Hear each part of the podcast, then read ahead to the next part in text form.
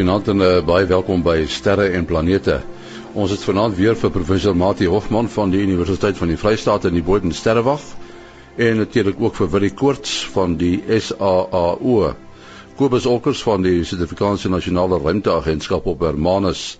Die gee ook so 'n bietjie sonwind nuus. Maar eers so een of twee nuusberigte uit die ruimte. 'n Nuwe sonwindvoorspellingsentrum wat in Antarktika opgerig is, kan ruimtevaarders betyds waarsku as groot uitbarstings op die son voorkom. In 'n verklaring word gesê dat die waarskuwing tot 2 uur voor die tyd uitgereik kan word. Die Suidpool Neutron Monitor is in staat om die bestralingsintensiteit van sonprotone te meet deur twee verskillende tipes neutronwaarnemingstoestelle in te span. Die toestelle meet giga-elektronvolt neutrone wat tydens 'n sonstorm uitgeskiet word. Die eerste Orion kapsule wat bestem is om ruimtevlugte te onderneem, is maandag in die VSA onthul. Die tuig wat uiteindelik beman gaan word, is bestem om verskeie diepruimvoorwerpe te besoek. Die eerste onbemande vlug gaan in 2014 onderneem word. 'n voormalige pendeltuigbevelvoerder, Robert Cabana, sê dat die onthulling betekenisvol is aangesien die Kennedy ruimtesentrum van Desmond sy halfuur 4 en daar is nie 'n meer gepaste gebaar as om juist die Orion af te wys nie. Tot sover ruimtenuus. En uh, soos gewoonlik praat ons met Kobus Olkers van die Suid-Afrikaanse Nasionale Ruimteagentskap op Hermanus en praat met hom oor die gedrag van die son. Uh, is die son weer meer aktief as laas keer, Kobus? Uh, Goeienaand en ja, sjoe, jong. Uh op die oomblik het ons die grootste uh, sonvlek of aktiewe area op die son wat ek nog hierdie siklus gesien het. Ehm um, hy begin toe hy so oor die linkerkantste kant van die son gekom het, was hy nog 'n mooi diep koel, maar hy het nou homself nou omtrent of iemand 'n soplepel aangedruk het in die ding deur mekaar geroer het. Ehm um, hy nou beta gamma delta ehm um, konfigurasie wat beteken daar's 'n goeie kans vir X-klas ehm um, uh, uitbarstings van daardie area af. Nou jy sal onthou 'n X-klas uitbarsting is is een wat nogal heel wat probleme kan veroorsaak met GPS en met DSTV en met natuurlik militêre kommunikasie en dis soort van dinge. Dis nou as hy in ons rigting uit uh, uitskiet, nê? Nee. Nee. Ehm um, solank as wat jy die son kan sien. Wie ook al die son kan sien, eh uh, gaan bokant hom 'n ionosfeer hê wat eh uh, opgevoeder is. Ehm um, om nou weer terug te gaan na na die begin toe van van hoe een van hierdie uitbarstings werk net vinnig as ons by dit uh, die eerste ding wat gebeur is jy sien 'n flits tussen tussen ekstrale en die goed kan natuurlik niks met ons aanvang op die grond nie want ons het die atmosfeer tussen ons en die en die en die ekstraal bron. Maar hy kan die ionosfeer mooi dik maak en dit kan en hy kan hom 'n bietjie ehm um, dalk 'n plasma borrel of sintellasie gee wat beteken hy bewe. So eenet die die die sonbestraalde kant van die aarde as hy die flits kan sien, maak nie saak waar hy op die son sit nie sal hy beïnvloed word. Dan kry jy net na dit uh, 'n uh, klomp relativistiese partikels en dis nou maar net 'n snaakse naam om te sê die goed vlieg amper so vinnig as die spoed van lig daar weg van die son af. Die goed ehm uh, breek satelliete as die satelliete nou, nie deur die aarde se magnetveld beskerm is nie. En daarna so tussen 18 ure en 4 dae na die tyd, dan kom die groot massa van die uitbarsting hier by die aarde aan en die ding klap dan die aarde se ehm um, se magneetveld sodat hy strome in die see in die in in die ehm um, uh, poolstrome en in die ekwatoriaal strome en die goed kan natuurlik dan weer magnetiese probleme veroorsaak op op allerlei goed soos ja enigiets wat in wat in drade vervoer word soos ADSL en kragnetwerke en wat ook al. Nou Kobus uh, jou jou telefoonnommer as mense met jou wil skakel? Dis uh, 083 264 8038. 083 264 8038. Baie dankie Kobus Olkers van die Suid-Afrikaanse Nasionale Ruimteagentskap op Hermanus. Ons gesels met uh, Johan Smit uh, en ons gaan met hom gesels oor uh, Scopex. Ons het al van tevore met Johan gesels en toe het hy gepraat oor die uh, die sterrepartytjie wat in die Karoo plase vind het. Ons het nog nooit terugvoer gekry na Johan hoe dit gegaan toe destyds. Man, die sterrepartytjie in die Karoo was nie so goed hierdie jaar soos ander jare nie. Ons het een goeie aand gehad en die res van die tyd was bewolk en reën, maar die boere daar is baie bly oor ons gekom het en die reën vir hulle gebring het, so ons weer uitgenooi vir volgende jaar. Ons het die droogte vir hulle gebreek.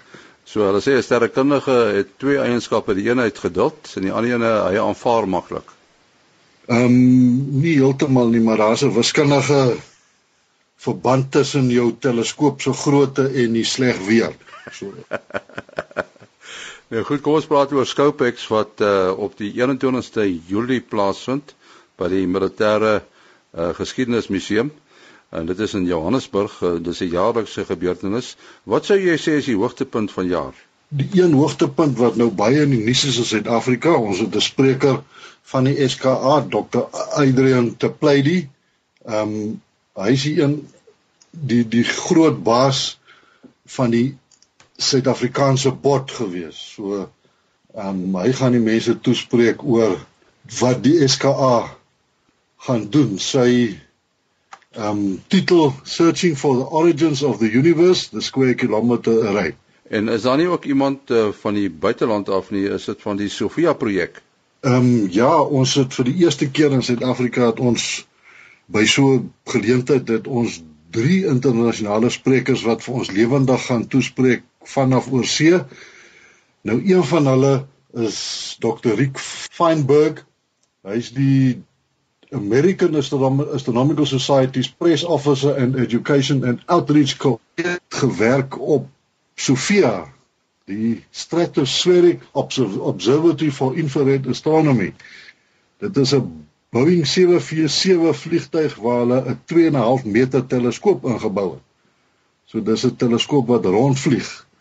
En hy gaan uh, vertel hoe hulle uh, okkultasie van Pluto en 'n ster gevolg het met die vliegtyg. Eh, dan natuurlik die hoofdoel van Scopex is dat eh uh, die gewone man 'n bietjie kan kom kyk wat doen amateursterrekundiges as ek reg. Dit ehm um, oorspronklik was die ehm um, uitstalling net op teleskoopmakery betrokke, maar dit het nou ontaard in 'n wetenskap fees. So daar is iets vir almal vir die praktiese mense is demonstrasies hoe om 'n teleskoop te bou. Ehm um, daar's soos reeds genoem die praatjies vir die meer intellektuele mense en daar selfs iets vir die kinders. Ons het iemand wat vir die klein jong kinders hier onder 12 jaar stories oor um, sterrekunde gaan vertel. Maar daar sal genoeg teleskope te sien wees.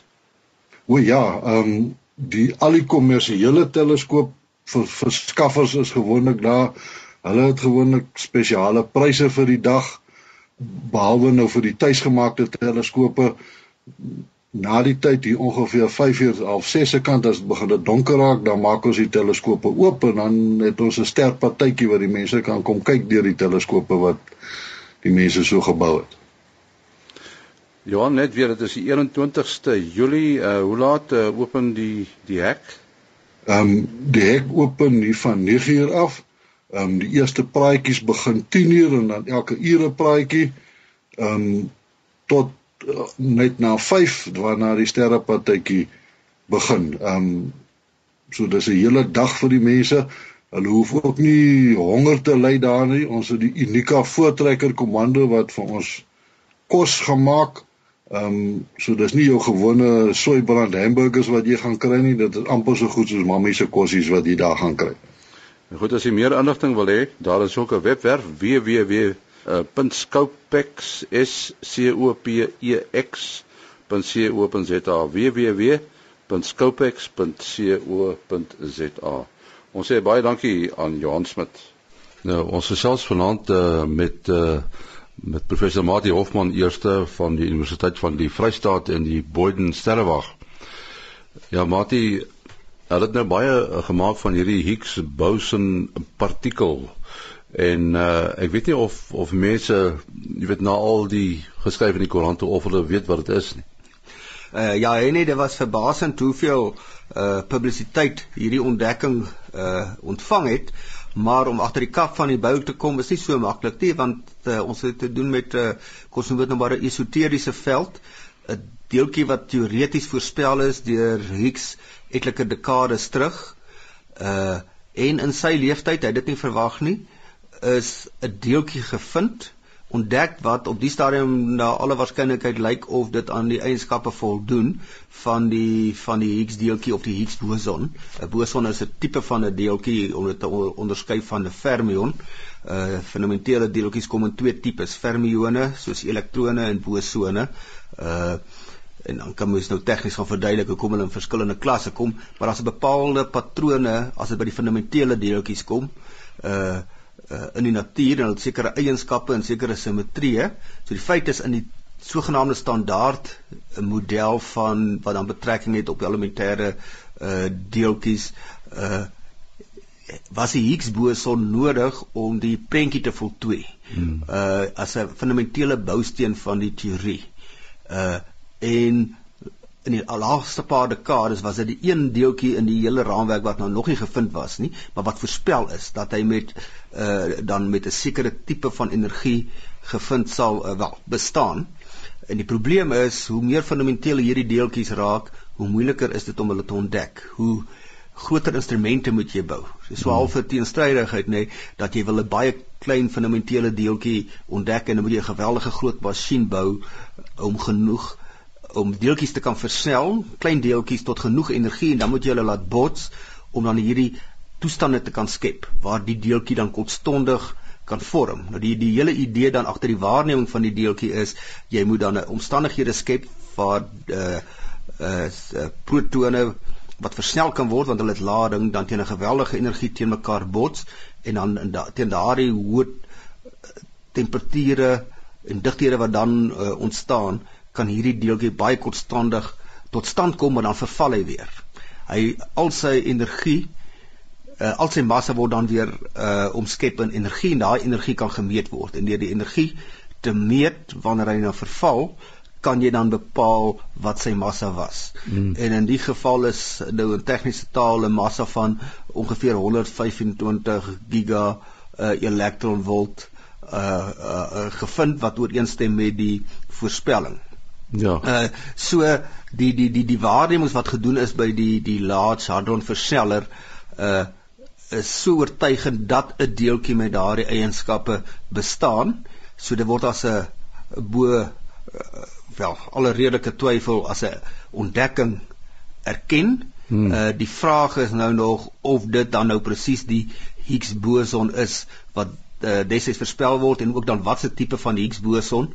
Dit kan nou 'n baie eenvoudige deeltjie wees of uh soos die beroemde Nobelpryswenner Steven Weinberg uh uh spiegel sê nou maar uh hy het eintlik 'n nagmerrie gehad. Sê nou maar dis al wat daar is. Dit is nou maar net 'n eenvoudige uh Higgs boson soos voorspel is en dan sluit dit mos nou hierdie tema af.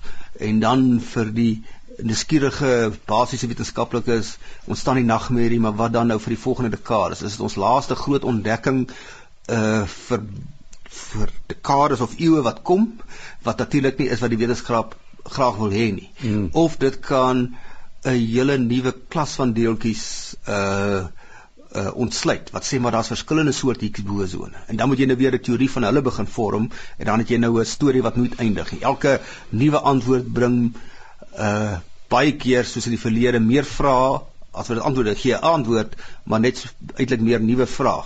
So dit is dit is nog te vroeg om te sê en wat hulle nou moet doen is om uit die data wat reeds uit hierdie versneller uh eksperimente uh verkry is plus nog wat hulle in die volgende 2 jaar kan doen vir die versneller weer gediens moet word moet hulle genoeg data kan probeer kry om dan meer inligting te kan uh bekom oor wat is presies hier aan die gang.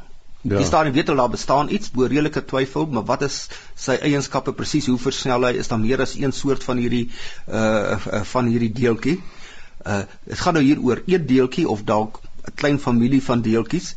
Uh maar ons weet dat duisende mense vir baie jare gevat se toewyding en geweldige duur uh is uh, instrumente wat gebou moes word Uh so dis nou waar die prys as jy hmm. nou so fundamentele ontdekkings uh uh, uh wil maak. Uh so die die die mense op die stadium kan sê iets baie fundamenteels ontdek wat baie bevredigend is, maar baie meer tyd is nodig om nog te sê presies wat dit beteken.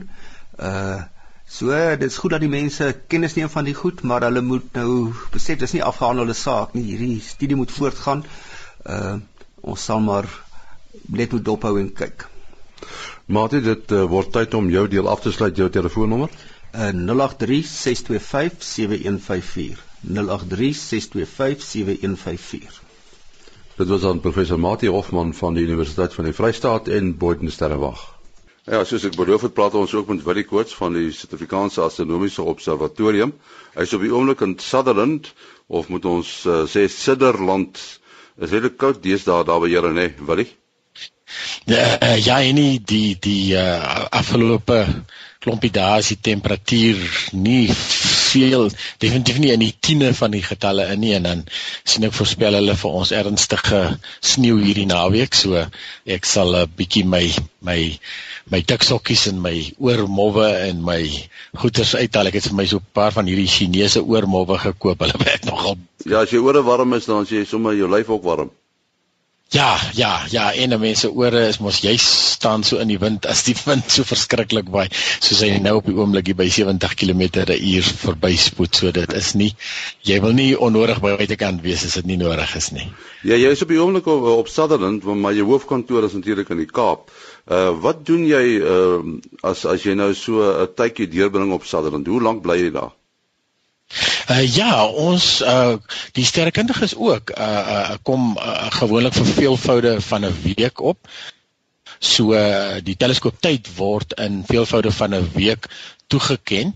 Uh as ek sê veelvoude, so partymal is dit vir 2 weke en so aan. Ons het nogal hierdie week 'n bietjie 'n 'n verandering omdat ons in die middel van die week instrumente verander gewoonlik uh verander ons dan instrumente Woensdae en en afhangende van aan wat wat die sterrekundige nou aangevra het. En ehm um, dan uh, het die uh, sterrekundige die spesifieke teleskoop uh tot die volgende Dinsdag nag en en so die uh die vorige span ma maak dan die Dinsdag nag klaar en die en die uh 'n nuwe span kom al Dinsdag op om nou te akklimatiseer om nou in die in die nagrotine in te gaan. Ja, so ons werk 'n gewone dagskof. Ek is nou aan die tegniese kant. Ons is drie uh, dissiplines, jou jou elektronika waar ek is of uh meganies en dan ook uh, IT jou rekenaarmense uh wat dan op bystand is.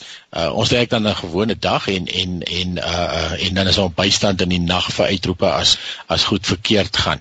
So uh, ons eerste prioriteit is dan natuurlik om uh te seker te maak dat die plek aan die loop bly, alles nog werk en ehm um, so as daar nou foute deur die nag uh, plaasvind wat uh, nou nie ernstig genoeg is om om iemand toe uit te geroep het om om hulle kan daarmee saamwerk of wat ook al dan word dit in 'n in 'n elektroniese poslys gepos uh, so in die oggende dan kyk ons na al die ehm um, al die uh, fout fout wat gerapporteer is in die nag en uh, en dan uh, uh, maak ons seker dat alles weer alles weer uh, aan die gang kom en alles mooi werk. En um, en dan verder dan bring ons maar gewone werk saam waarmee ons ons is nou in die hoofkantoor in, in Observatory in, in Kaapstad ge, ge in die ou uh, ou uh, Royal Observatory die ou koninklike sterrewag uh, wat ons hoofkantoor is.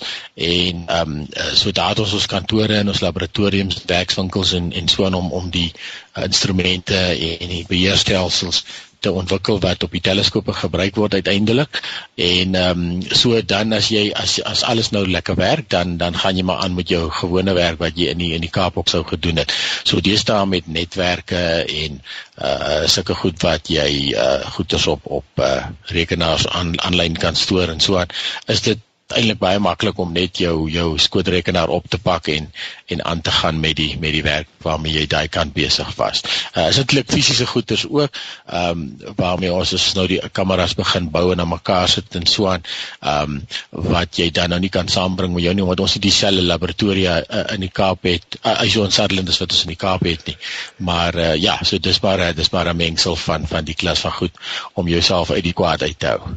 As jy sê instrumente verander, beteken dit teleskope of is dit onderdele van die teleskoop? Dit is basies die die uh uh, uh ons teleskope is uh, as jy nou dink aan 'n 'n amateur teleskoop dan uh, uh is is die daar waar die lig bymekaar kom is is gewoonlik 'n oogstuk en uh partymal 'n kamera en dit is dan um uh, jou detektor kan jy maar sê so dit is dan wat jy maak met die lig wat jy bymekaar gebring het. So ons groot teleskope hier werk maar op dieselfde prinsip is gewoonlik maar spieëls uh uh wat dan die lig weerkaats tot op 'n op 'n fokuspunt en en uh dan uh, is daar eintlik nie oogstukke nie. Baie min net 2 of 3 van die teleskope het nog oop oogstukke deesdae.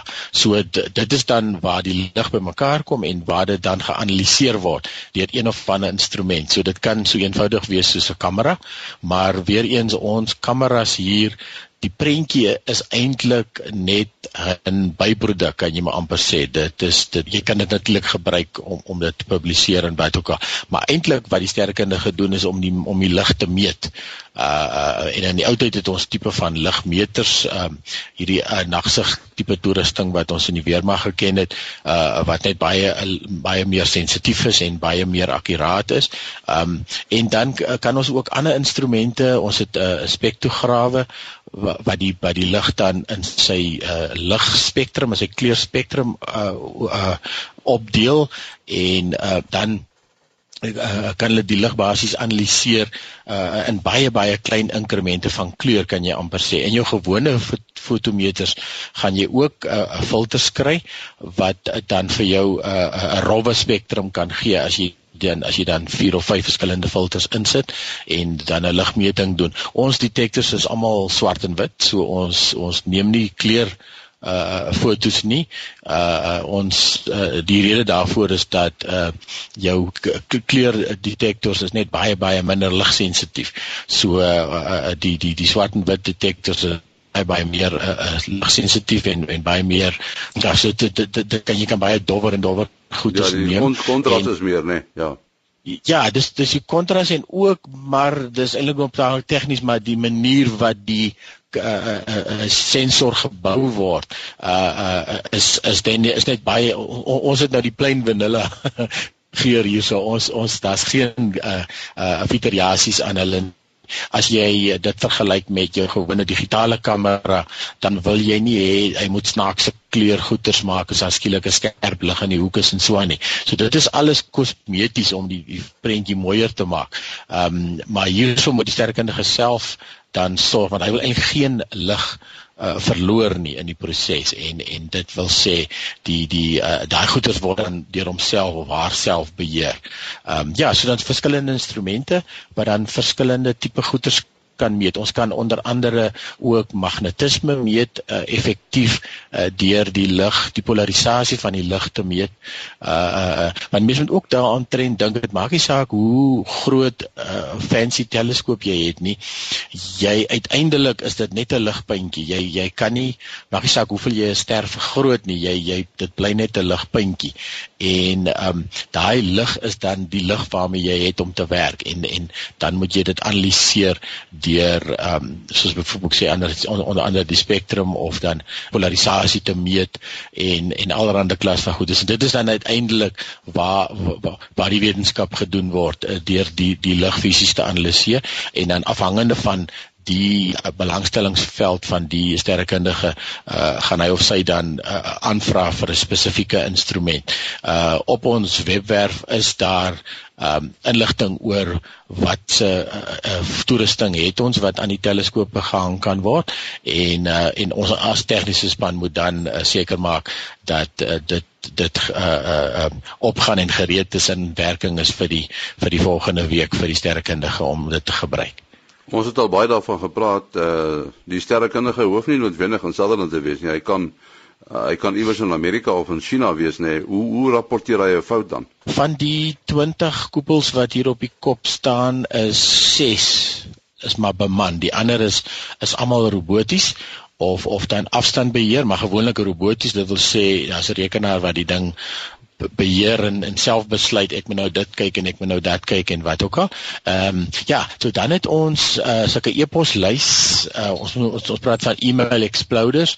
Uh so die mense aan die ander kant wat uh, dan uh, die foute optel, uh, van die goed kom natuurlik direk na ons toe, maar van die goed word dan deur die eienaars opgespoor en gesê uh gaan kyk hier, gaan kyk daar. So dit ehm um, word dan met hierdie uh, uh e-pos uh, uh, verspreidingslys gedoen en dan die persoon wat dan op diens is uh, vir daai week hier uh, het sy elektronies of of meganies of of IT uh, kry almal hierdie lyste en en dit is dan deel van in die oggend as jy gaan kyk wat het alles verkeerd gegaan. Ehm um, dis eintlik ongelooflik uh, uh maklik uh, baie van uh, die die toerusting self het het ons me, meeste gevalle nie gebou nie of geïnstalleer nie. So ons het 'n oorsig hoe dit werk en en dan stuur die ouens vir jou 'n PDF uh, leer en sê uh, hier is ons 'n prosedure gaan kyk gou-gou vir ons dit of of of hier's 'n tekening um, meet gou vir ons daardie en en uh so dit is amper dan dieselfde wat uh die ruimtemense doen deur 'n satelliet wat daar in die ruimte sit deur die die telemetrie die uh wat sal die mooi Afrikaans wees vir telemetrie al die al die inligting wat afkom van die uh uh um, hoe gesond die instrumente uh word uh, dan afgestuur en geanaliseer deur die mense wat die stelsels ken. En dan uh dan gee hulle vir ons basiese instruksies daarvan af uh en okay party van die goeders ken ons redelik goed en ons het die tekeninge hierso so ons sal dan oop en dan sal ons ons eie uh, fout opspoor uh, begin jy meet maar hier en daar en dan sien jy o wag hierso raak hy sy ek so die erns met die fout lê en dan gaan jy af oh, en dan het ons natuurlik ook um uh uh um, die die uh, uh, spaar toerustingspaarte. Uh, Partymal is dit elektroniese kaarte, ander is dit ehm um, moet ons dit tot op die komponentvlak regmaak. So ja, so daar's 'n variasie daarso. Ja, wil jy ongelukkig die tyd opgeraak uh jou besonderhede. Ja, mense kan my bel of SMS uh, 072 4579208. 0724579208. En my besonderhede is maas.henny@gmail.com. maas.henny@gmail.com. Tot volgende week. Alles van die beste.